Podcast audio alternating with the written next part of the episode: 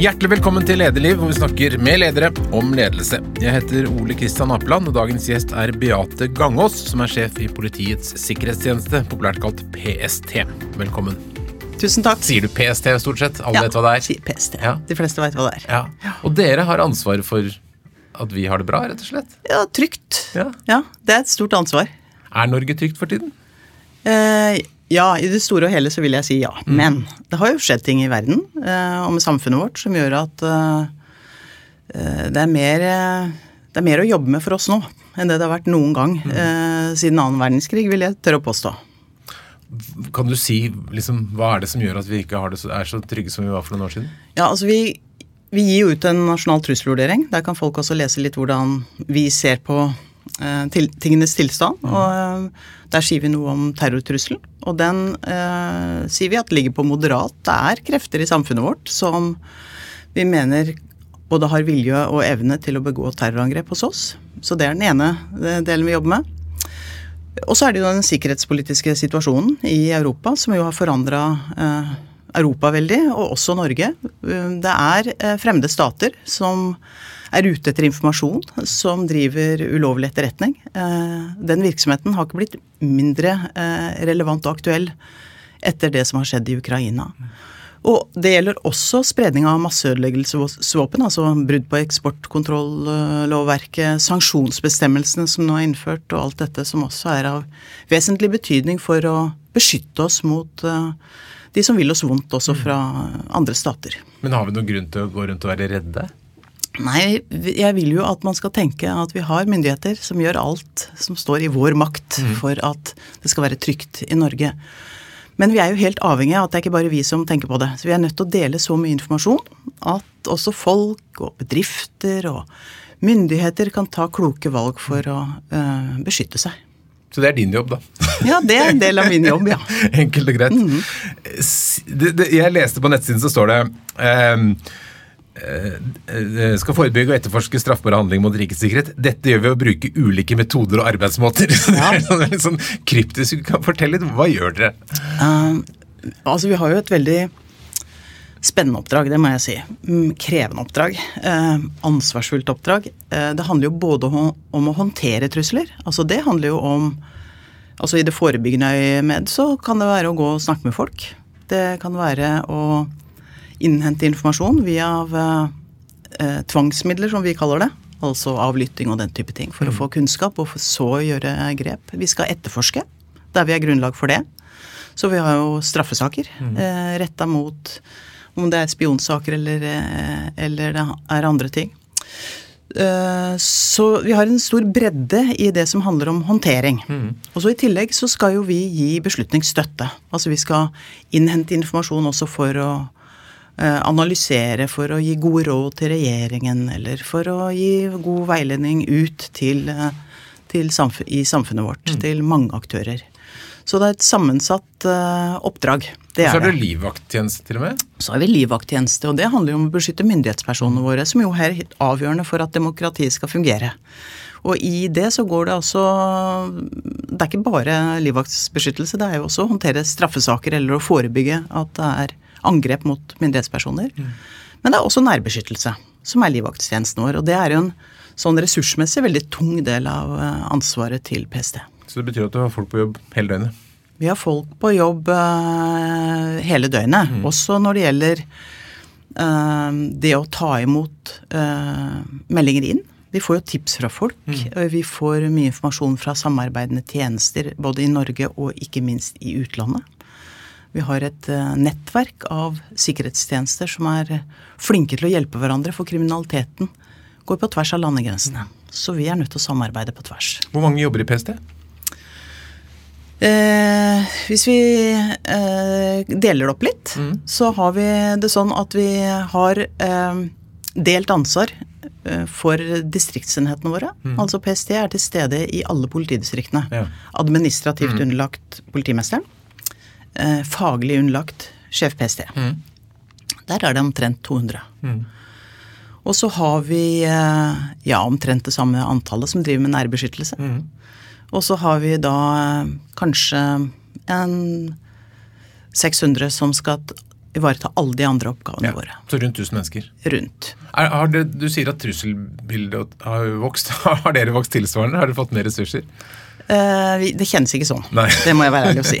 Eh, vi får nye oppgaver. Vi har også fått eh, tilført ressurser for å ivareta nye oppgaver, som f.eks. regjeringens biltjeneste, en kongelig politieskorte. Men det er krevende oppgaver å planlegge for.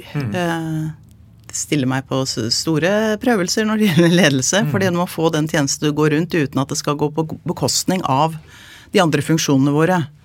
Eh, Det har vi en rapport som også sier noe om, den 25. juni-rapporten, som vi fikk den evalueringa etter angrepet i Oslo i 22. Så det er dilemmaer. Som mange dilemmaer som man står overfor som sjef PST. Hva slags eh, bakgrunn har de som jobber hos deg? Veldig sammensatt, og det er bra. Vi har, eh, vi har, det er Politiets sikkerhetstjeneste, vi har en del politifolk. De som driver med, de som driver med nærbeskyttelse. De er noe av det spisseste trente politifolka vi har. Eh, og vi har også politifolk selvfølgelig og påtalejurister på etterforskning. Vi har eh, en god miks når det gjelder en del av de andre funksjonene våre, mellom eh, folk fra politi, fra forsvar, som er utdanna ved universitetet. eh, Vi har psykologer. Vi har et veldig bredt spekter av kompetanse. Og det å få det til å jobbe godt i lag, det er noe av det som er veldig bra, veldig spennende med den jobben eh, som jeg har. Er det et sted som er attraktivt å jobbe? Altså, Du syns jo åpenbart det, men får dere mange søkere? Er det mange Ja, som jobber hos det er det. Det er mange som søker hos oss, så vi, vi er heldige sånn. Så bra. Mm. Og du har jo da vært i politiet veldig, veldig lenge. Over 30 år. Mm. starta i Finnmark, og så vært uh, i Oslo politidistrikt, du vært sjef for flere ting der, og vært uh, politimester i Politidirektoratet med organisert kriminalitet, og så var det Mm. en liten tur ut som likestillings- og diskrimineringsombud, og så politimester i Østfold, og så PST, og så politimester i Oslo, og så sjef på PST. Så Ja. masse, masse politi. Så det betyr jo at du stortrives i etaten, da. Ja, masse politi og masse ledelse, for jeg blei vel leder veldig tidlig. Mm. Ja, det så jeg, det var ikke- Litt for tidlig, egentlig, Jeg jeg tenkte, det. Ja, fordi det er jo så spennende å jobbe med fag. Ja. Så det, det er også dilemmaer, men jeg blir jo veldig revet med i det jeg driver med. For det står her på arket mitt. Raskt sjef. Var, var, det, et- var, det et ønske, eller var det bare en konsekvens av at du liksom var i farta og steg i grensen? Jeg tror det var litt konsekvens av at jeg er litt engasjert og har aldri vært redd for å ta i et tak. Det tror jeg jeg kan si.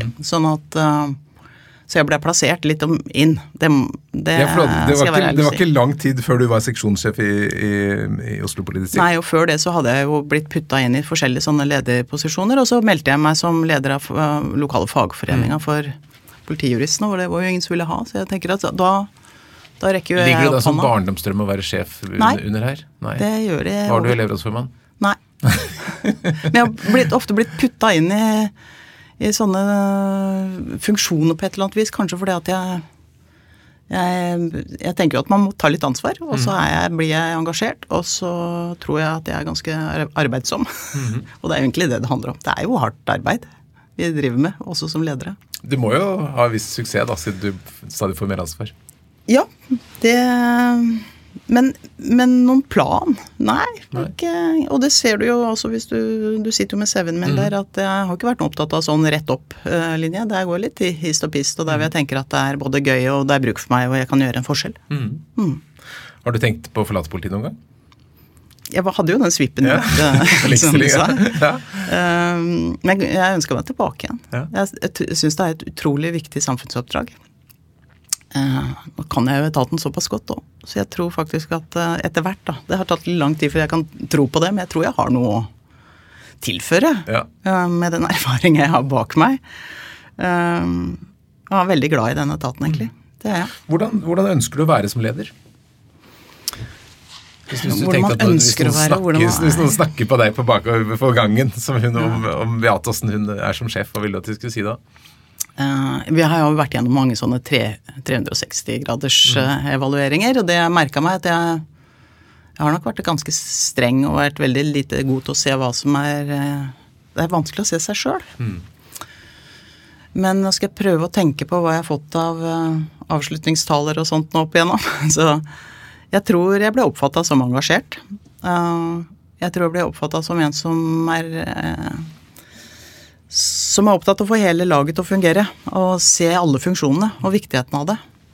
Jeg er ikke sånn spesielt begeistra for bare sånne primadonna-greier. Eh, For jeg er gammel fotballspiller. Jeg liker Jeg tar meg i det. Jeg tenker litt på at du skal bygge lag når du driver med organisasjonsutvikling, eller å få en organisasjon til å fungere. Så det øh, Jeg tror engasjert. Eh, Jeg fikk vite når jeg slutta i Oslo fra byrådslederen at han, han hadde en liten tall han kalte meg for eh, fast eh, mildhet. Og det tror jeg. Jeg tror jeg kan være ganske fast. Jeg har lyst til at folk skal være på jobb for å ville utføre noe, ikke bare være der. Og det eh, Å få folk til å liksom, synes at det er gøy. Jeg tror jeg klarer å engasjere folk til det. Men det blir litt mye. Det kan bli litt mye jobb. Fordi at eh, når du lener deg litt fram, tar litt tak i det som ikke fungerer um, Så for det første så kan du bli oppfatta som litt fast, hvis du skal rydde opp i gammel moro. Um, men, eh, men det å så kjenne at vi lykkes sammen, altså det Det er noe av det store. Og det tror jeg at jeg aldri blir oppfatta som at jeg jeg, jeg tror jeg er ganske jorda. Blir oppfatta som relativt jorda. Um, Men når du byttet jobb noen ganger, og når du kommer da til å bli sjef et nytt sted, er det en mulighet til liksom starte med blanke ark og legge opp en, en ny stil, eller er du den samme hele tiden? og Jeg tenker du sånn, Nå skal jeg være her, og nå skal jeg gjøre noe litt annerledes. Ja, jeg tenkte det på skolen òg, når det begynte nytt skoleår. Ja, nå skal, helt, nå skal jeg skrive veldig pent, og så skal jeg bli helt annerledes. Men du er jo ikke det. Nei. Du er deg sjøl. Men det jeg merker, er at når jeg begynner på et nytt sted, så har jeg merka at det er noe sånn helt generisk når du kommer inn som leder. Du må få tak i hvordan organisasjonen er skrudd sammen. Du må finne ut om folk er, er bevisst på hva som er deres rolle. Du må finne ut om organisasjonsformen er Er den fornuftig, eller har den bare blitt sånn? Eh, Det er en del ting sånne Hvordan samspiller man? Altså, fordi Hvis du ikke er bevisst på hva som er din rolle, og som, hvor godt du kjenner andres roller, så får du ikke til samspillet på tvers. Og jeg er veldig opptatt av at vi er ikke bedre enn det vi klarer å få til sammen. Men har du noen teknikk for, for det? For å skjønne hvordan For det er jo, det er jo ikke alltid lederen heller får det sånn helt sant og riktig bilde av Hvis du går rundt og spør alle sammen, så svarer man jo ofte sjefen litt annerledes enn andre. Så hvordan, hvordan klarer du liksom å fange hvordan organisasjonen er? Jeg tror nok at noen kanskje vil oppfatte at når jeg kommer inn på et nytt sted, så stiller jeg ufattelig mange spørsmål. Mm. Eh, for å prøve å få det bildet. Og snakke med veldig mange folk. Eh, selvfølgelig alle ledere som jeg har under meg. Men også tillitsvalgte vernetjeneste. Eh, for å få det bildet. Og så begynne å grave og spørre. Hvorfor ble, er det sånn? Hvorfor gjør dere det? Hvorfor gjør dere ikke det sånn? Og, og du får så mye Du får et så, et så godt overblikk. Eh, og noen ganger så tenker jeg at nå, dette er sikkert en kjemperyddig organisasjon. Her skal jeg bare komme inn, og så skal jeg ta over og drifte. Og så blir det aldri helt, det blir aldri helt sånn. Alltid noe å ta tak i. Ja, det er det, altså. Men, men det er vel en sånn balansegang der å, å vise litt respekt for det man kommer inn og ikke drive- Mm. skulle liksom snu alle steinene første uka? Ja, det er det. Så det, du, må, du må forstå, prøve å forstå, og hente så mye informasjon som mulig. Men eh, så må man ikke heller være for redd for å snu noen steiner, og du kan ikke vente for lenge med det, for da blir du Da kommer du inn i tralten. Så det å, å bruke den anledningen, da, med det du kommer inn med, og den kunnskapen du får For det er jo ikke helt unaturlig at den som sitter på toppen av en organisasjon, har et litt annet blikk enn det de som sitter på enkelte deler i organisasjonen, gjør. Noe av det som, har, eh, som typisk er tema, det er jo hvor mye silotenkning det er i de ulike funksjonene, hvordan man baler med å få til samspillet på tvers internt, og hvordan man klarer å samspille med andre. Det Det skal ikke mange mennesker til før man får samarbeidsproblemer? Nei, og så tenker jeg at eh, det å finne måter å legge opp eh, oppgaver og organisasjon på som gjør at det ikke blir så personavhengig. At du må være opptatt av funksjoner. Ja. Det er jeg litt opptatt av. Det, det skal jo fungere uavhengig om det er et menneske som er borte. Vi må ha mekanismer, vi må ha sikkerhetsmekanismer som gjør at vi også klarer å eh, forbedre ting sjøl. se det som ikke fungerer så godt, eh, og gjøre noe med det. Ikke Men, men er, andre gir du deg selv en sånn type si, fredningstid i begynnelsen før, til å sette researchtid før du begynner å, Ja. å handle? Jeg har gjort det, altså Noen ganger de blir de fredningstidene litt kortere enn jeg hadde sett for meg. Fordi jeg tenker at uh, ups, her, og nå er det Og kanskje det er en anledning. Eh, du må bruke momentum. Hvis det er en ledighet, f.eks., eller det er andre ting som gjør at uh, nå er det god timing. Og så viser det seg ofte at det er noen som har gått og venta på at uh, man tar tak i det. Mm. Ofte. Men når du da tror at du skjønner det du, Hva slags leder er du da? Er det sånn du lager en svær eh, presentasjon og sier at nå skal vi dit? Eller hvordan jobber du for å liksom dra Jeg prøver å involvere så godt jeg kan, men mm. det jeg oppdager er at uh, ofte så uh, sier folk kan ikke lage den der presentasjonen og si hvor du, hvor du vil egentlig. Mm. men, men, du må jeg ikke, så, gå, ikke gå så fort fram. Mm, få alt på bordet. Få sørge for at ikke du blir så sikker at ikke du får med de gode ideene. jeg tror mange ledere har et sånt dilemma der, for man vet hva man vil, men ja. så skal man liksom ta med alle sammen på råd, og så, og så, skjønner de andre at du egentlig vet hva du vil. Ja, men altså. Min erfaring er i hvert fall hvis du gjør det på en ålreit måte, da, en åpen måte, mm. ikke lure noen, men ærlig åpen, så mm og du vil lytte til innspillene både fra lederne dine, fra organisasjonen, fra tillitsvalgte og fra vernetjeneste, så, så skal du ikke se bort fra at det blir enda bedre, altså. Mm. Så det å ta seg av de rundene, det er viktig. Men nå har du altså vært i politiet siden 1992. Mm. Eh, og det har skjedd en del i verden, og sikkert i politiet også på den tiden. Hvordan opplever du at liksom, kulturen for ledelse og sånn, har den forandret seg? Er det ja, Hva er forskjellen? Ja, ja, den har jo det. Altså jeg blei jo min første Politimesterjobb det fikk jeg når jeg var i 30-åra.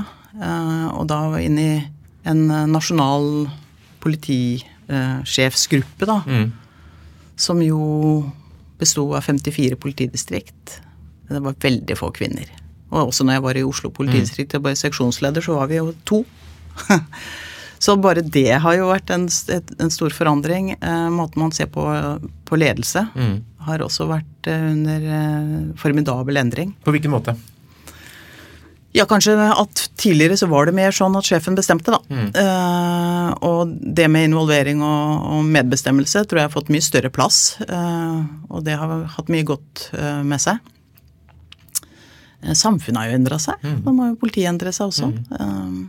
og så er det sikkert noen som mener at det er mye å hente ennå, men ja, nei. Det har, skjedd, det har skjedd endringer. Og for PST sin del så må jeg bare si at når folk trekker fram gamle POT, mm. som jo før bodde Politiets overvåkningstjeneste? Ja. Mm. Som jo uh, fikk voldsomt medfart etter å ha uh, Etter å ha behandla opplysninger og, og, overvåke folk mm. som de fikk veldig kritikk for.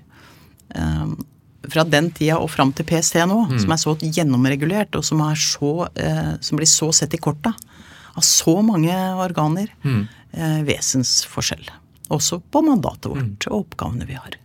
Men politiet er jo en, er jo en jeg håper å si autoritær virksomhet. Mm. Er, det, er, det, en lederstil i, i, politiet som ligner mer på det man kjenner fra Forsvaret med ordre og kommando og sånn, eller er det, er det, som en bedrift? Nå har du ikke du vært i bedrift, men Jo, men hvis jeg skal prøve å se ja. den utviklingen, så kanskje den har vært altså, Hvis jeg skal prøve å lage et veldig sånn overordna bilde. Mm. Kanskje den har utvikla seg litt fra å ligne på den, den der kommandokontroll til mm. å bli mer en bedrift. Mm. Uh, som både skal speile samfunnet, og som skal uh, jobbe mye mer forebyggende, f.eks. For eksempel. mm. Altså den forebyggende delen av virksomheten til politiet, og ikke minst til PST, mm. er utrolig viktig. Og det var som en sa til meg tidligere i dag at hvis folk bare hadde visst alt det vi får til, mm. så hadde det blitt solgt.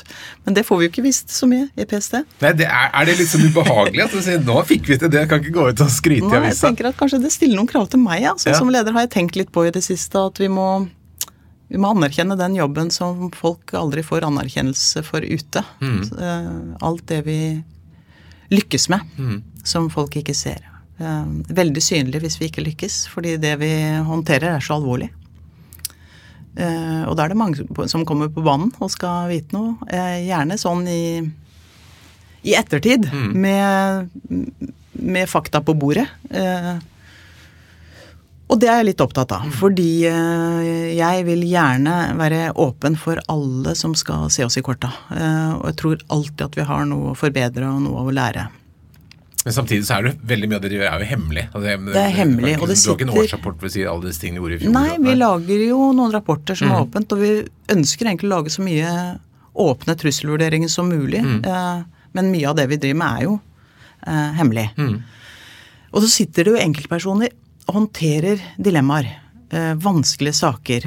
Mye Det har jo økt dramatisk inn, innkommende informasjon til oss. Og der sitter det folk og sorterer. Hva er det vi skal sette ressursene våre på?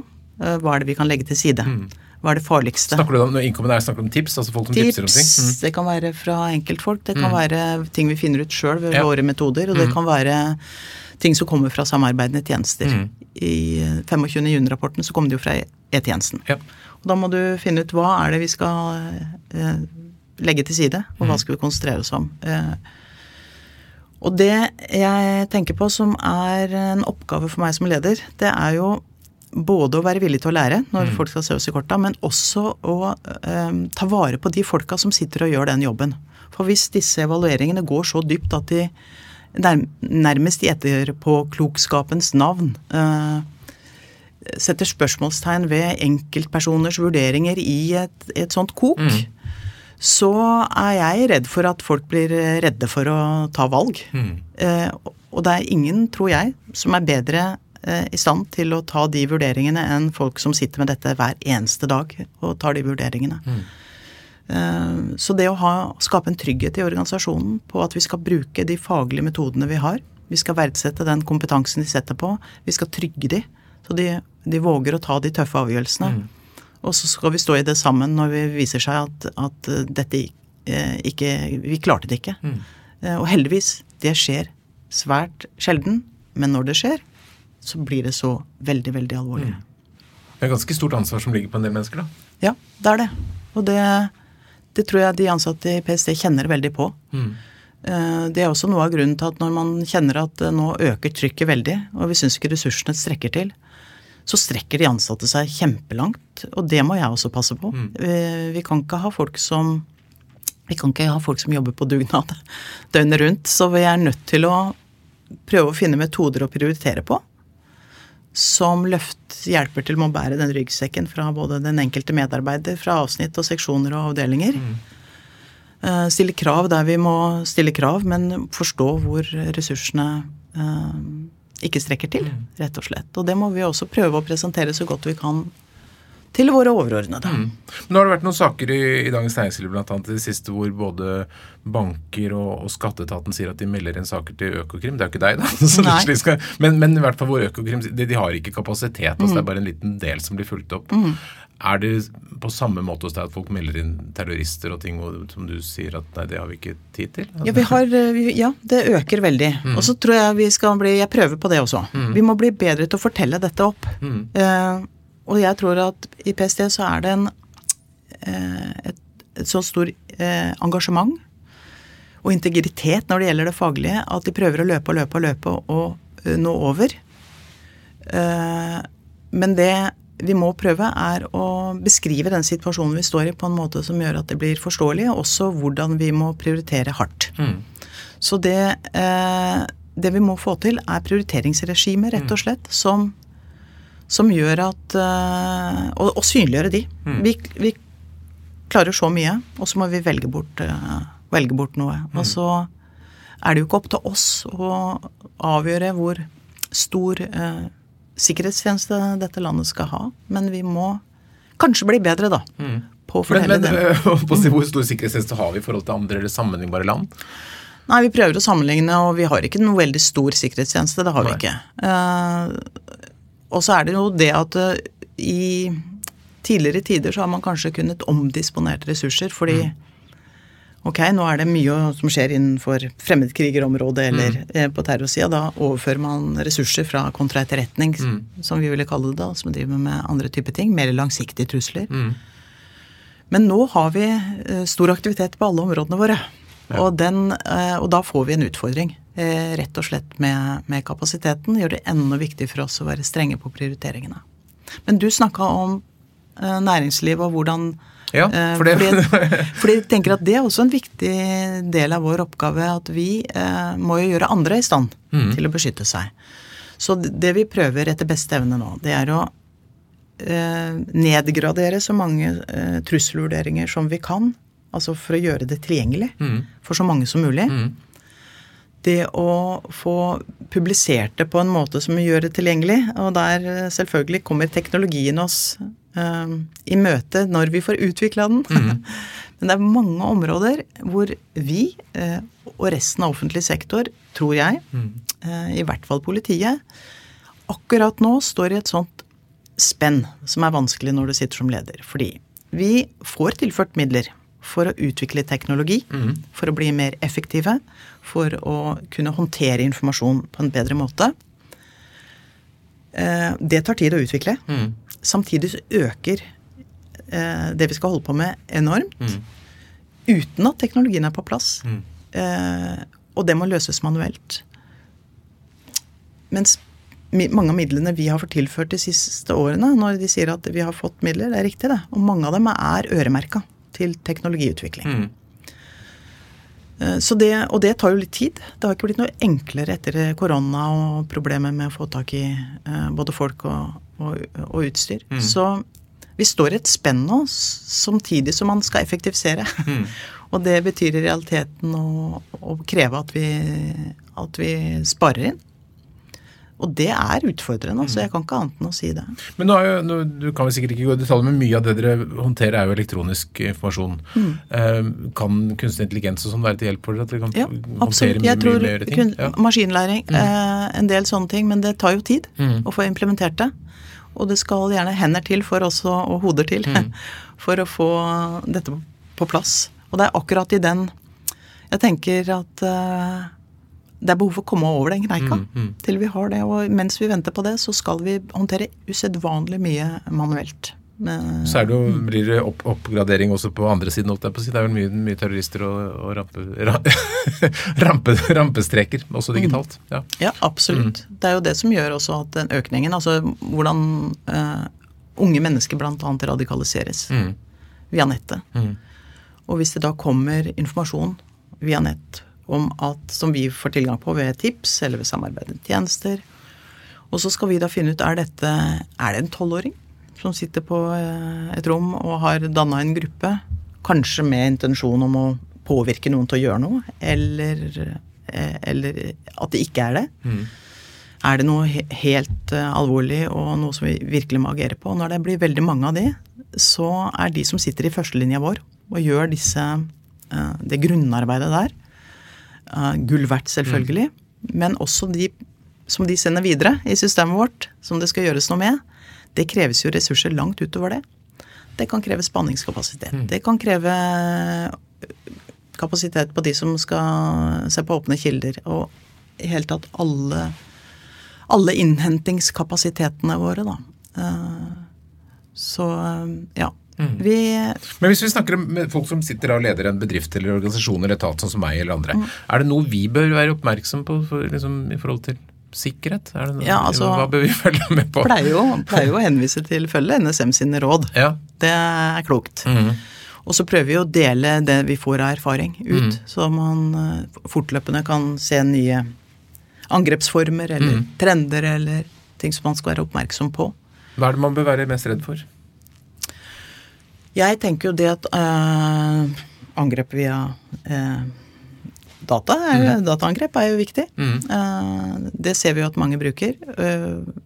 innenfor etterretningsområdet så, så, er det klart at menneskebasert innhenting mm. De som sitter på verdier, på informasjon som de kanskje ikke selv engang er helt bevisst på hvor eh, verdifullt kan være for, mm. for, andre stater som kanskje vil oss vondt.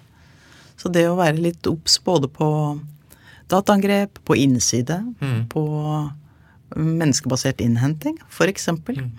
Men nå, nå, har det vært saker fra Sverige om hvor kriminelle har infiltrert det offentlige for å gjøre trygdemisbruk og svindel og sånn. Har vi sett mm. noe sånt i Norge?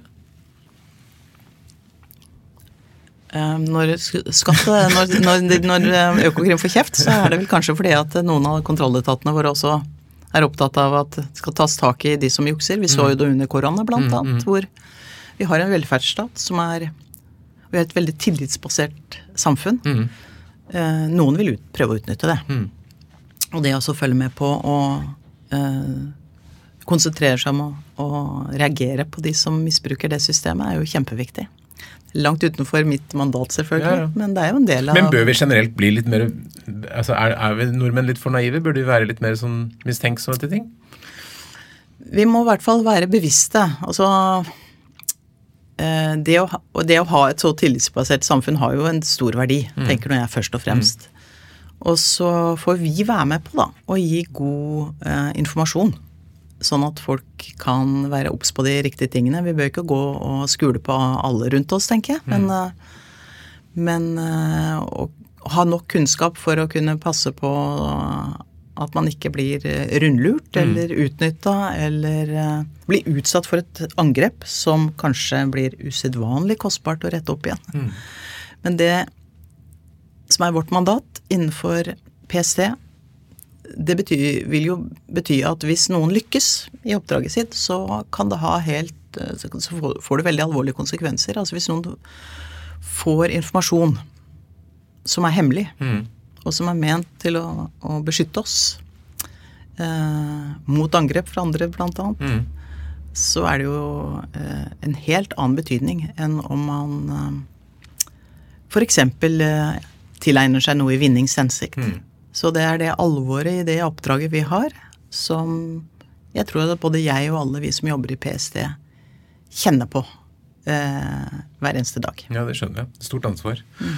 Eh, men eh, jeg, vet ikke om du er klar over men vi, vi målte omdømmet til PST i sommer. Mm -hmm. og til politiet. og det, det, er litt morsomt. PST har bedre omdømme enn politiet generelt. Mm -hmm. men sånn, Det er godt omdømme, det er ikke så veldig godt. Det sånn, -hmm. Men det som er interessant, jeg så i tallene på at det dere scorer sterkest på innovasjon. Det er litt morsomt ja. til å oppfatte som en innovativ etat. Hva tror du det skyldes?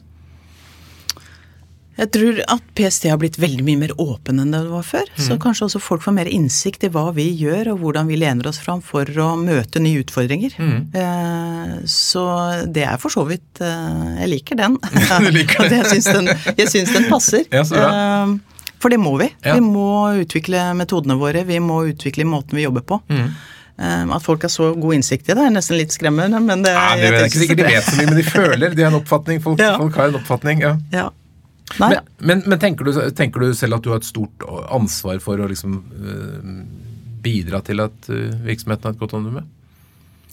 Ja, det er klart jeg har det. Uh, for vi er opptatt av at folk skal ha tillit til oss. Fordi jeg tror det er helt avgjørende for å få at folk skal henvende seg til oss når, mm. vi, når de har behov for å dele informasjon. Mm. og vi har behov for det for å kunne bidra til at vi skal ha et trygt samfunn. Mm.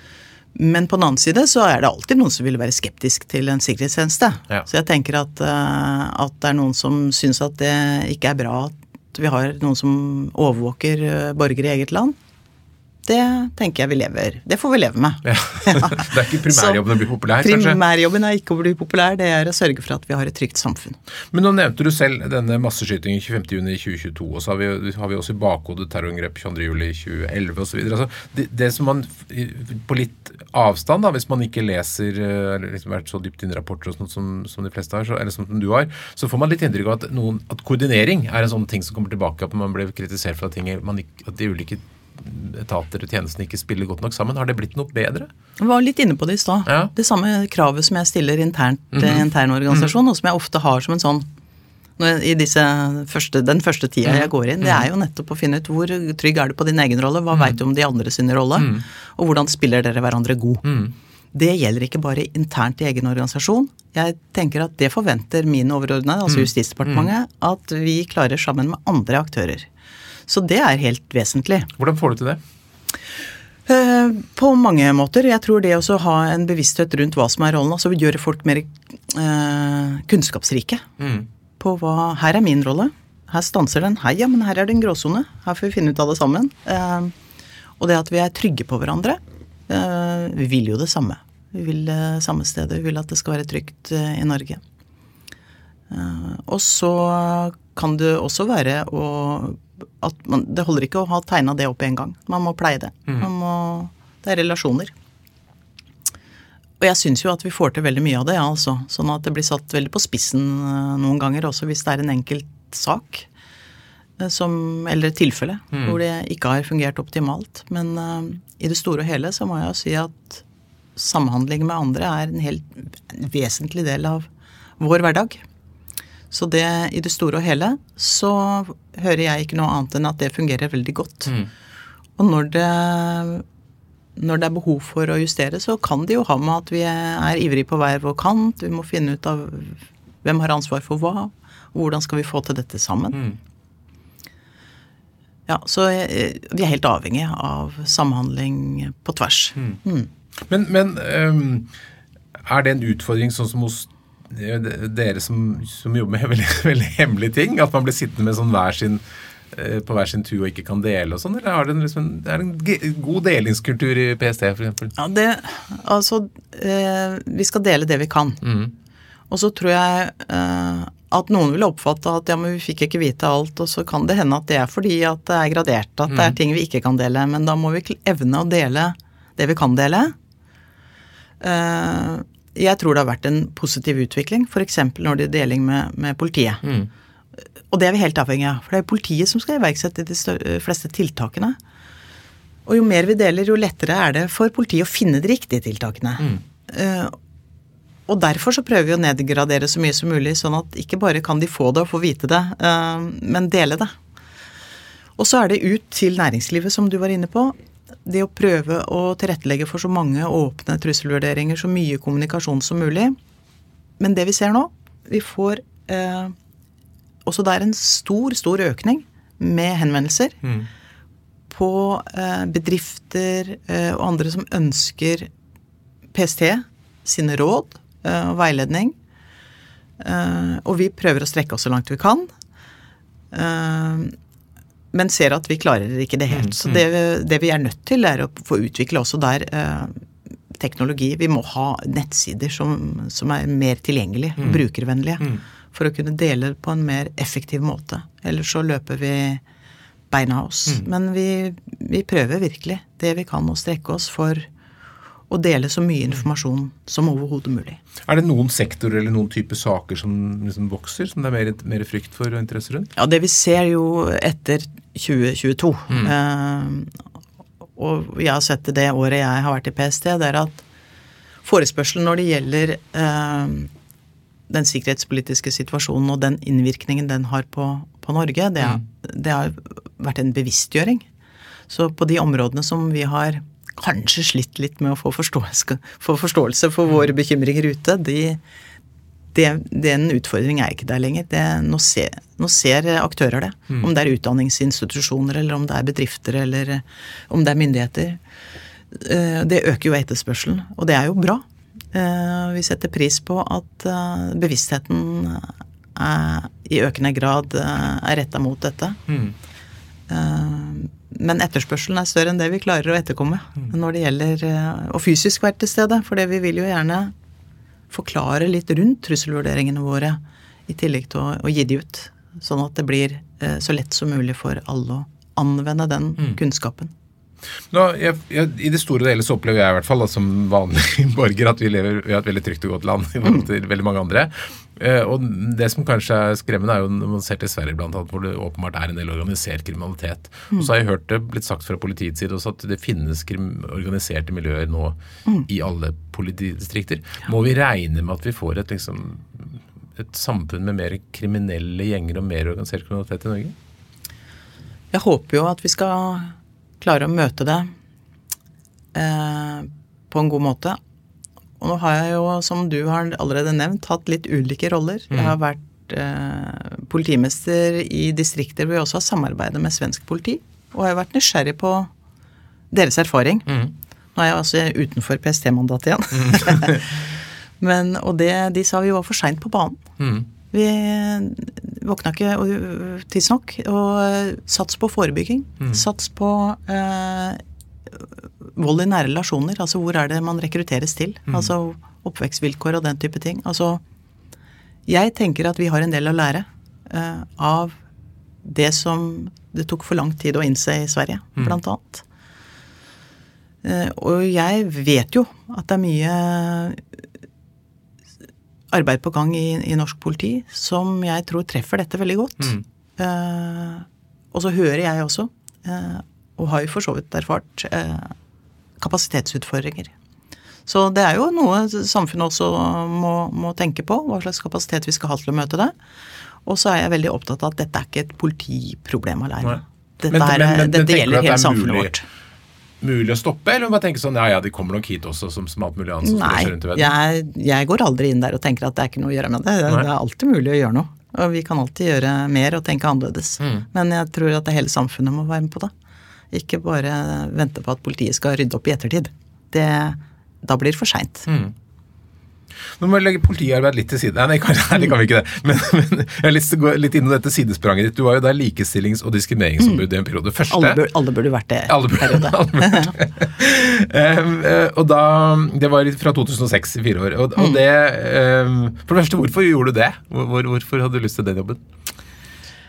Jeg må jo innrømme at i eh, noen av disse tidlige jobbene så har jeg egentlig blitt uh, geleida inn. Litt spurt og litt uh, oppfordra og litt eh, den type ting. Jeg var eh, i politiet, når jeg var i Politidirektoratet, når jeg var politimester, så fikk jeg ansvar for mye. Jeg skulle ha organisert kriminalitet.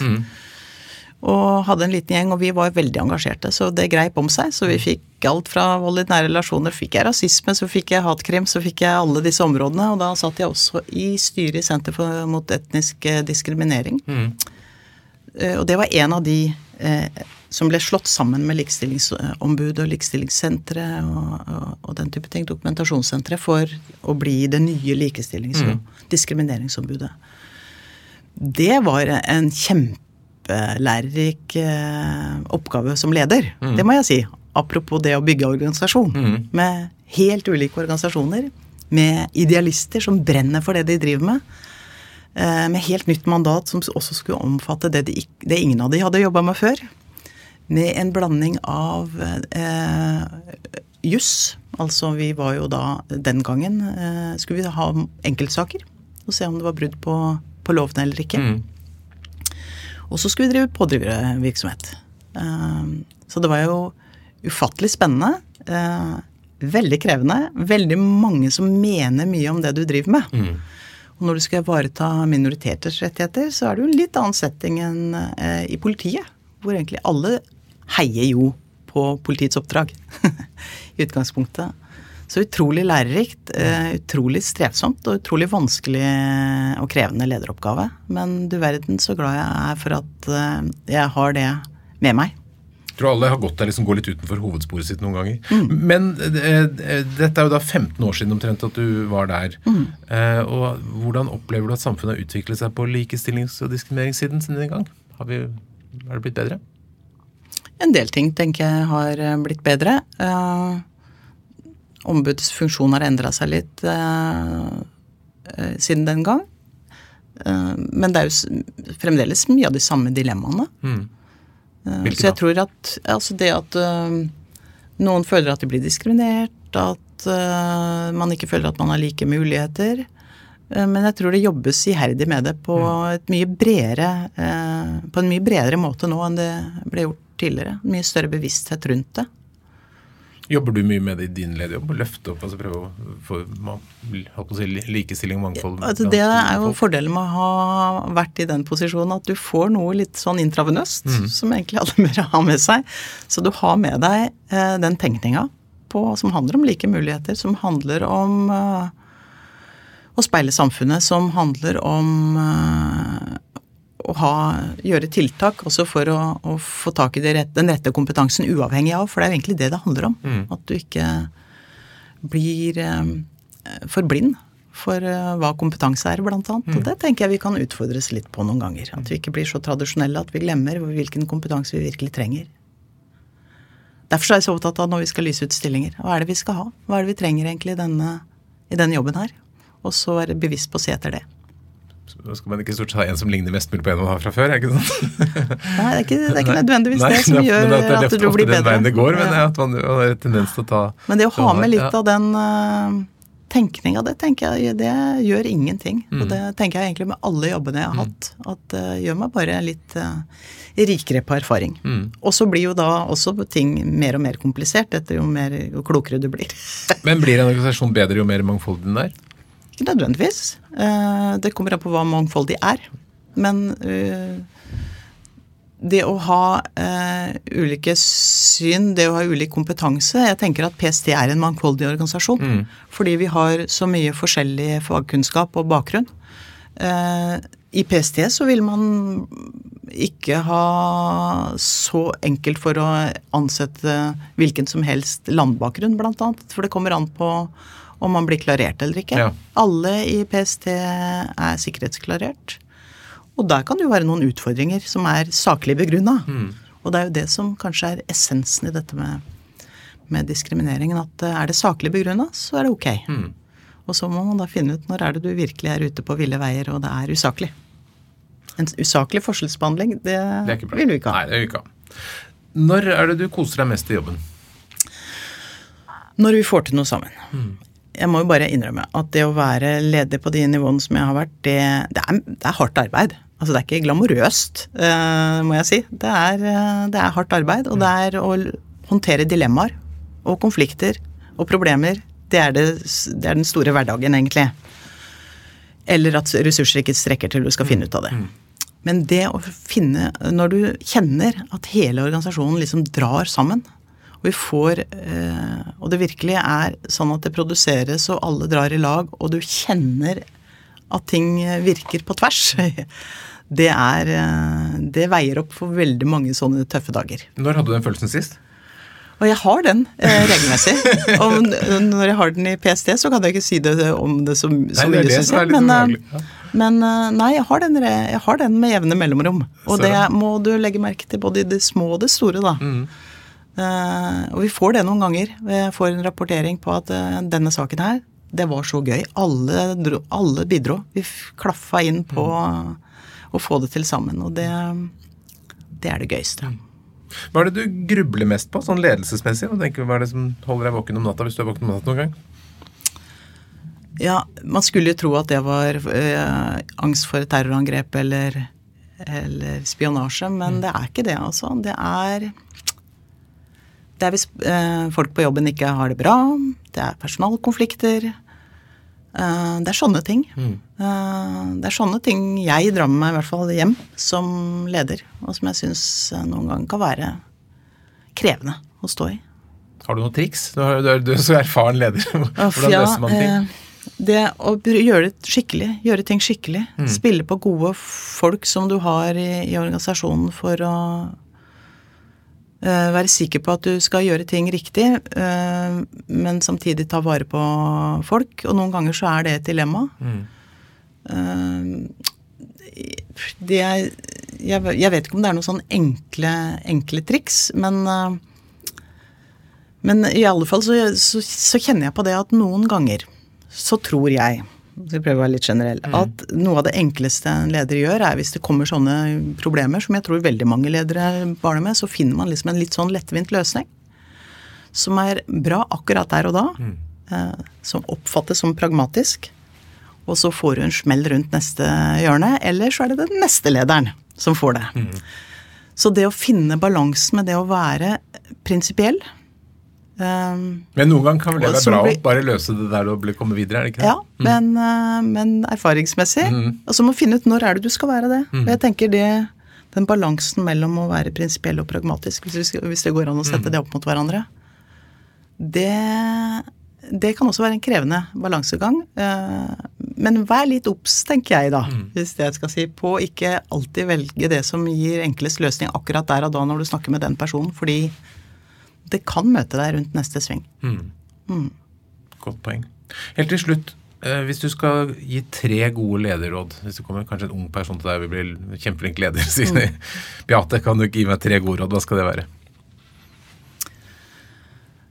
det som jeg tenker er et godt råd, er at hvis du blir valgt som leder, eh, og de velger å ansette deg, så er det fordi de vil ha deg inn. Da må du huske på å beholde de gode egenskapene du har, og ta med deg det inn i lederrollen din. Samtidig så tenker jeg det å være eh, ydmyk, det å være lyttende, det å høre på flinke folk rundt deg, det er eh, kjempeviktig. Og så må du tørre å ta beslutninger, eh, selv om det er upopulært. Så du må ikke ha en tanke på at den perfekte lederen er den som alle syns er snill til enhver tid. Eh, og som er mest opptatt av å synes i media. det er ikke nødvendigvis det er det som er suksessfaktoren for å være en god leder. Men du må, så du må liksom stålsette deg litt på at det å være leder, det handler også om å ta upopulære beslutninger. Det handler om å stå i det, men pass på å stå i det sammen med noen som kan støtte deg på at, um, på at du gjør det skikkelig.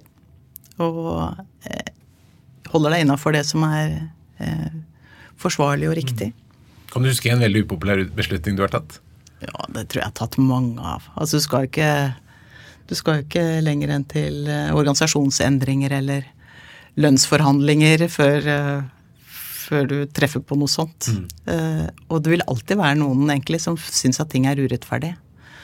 Men det jeg merker også, at hvis du er, hvis du er åpen og ærlig, og sier hva du tenker og hvorfor du gjør det, så er det utrolig mange som, som vil være med og hjelpe til med å få løst det. Hvis du har fokus på det som er oppdraget vårt, og det som vi skal få til sammen for Norge. Det var en bra avslutning. Johanne, tusen takk for at du kom til Lederliv. Bare hyggelig.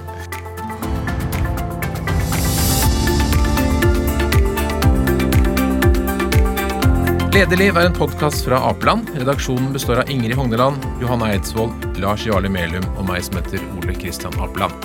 Og du er hjertelig velkommen til å sende ros, ris, tips om ledere eller hva du måtte ønske til oleatapeland.no. Takk for at du lytter.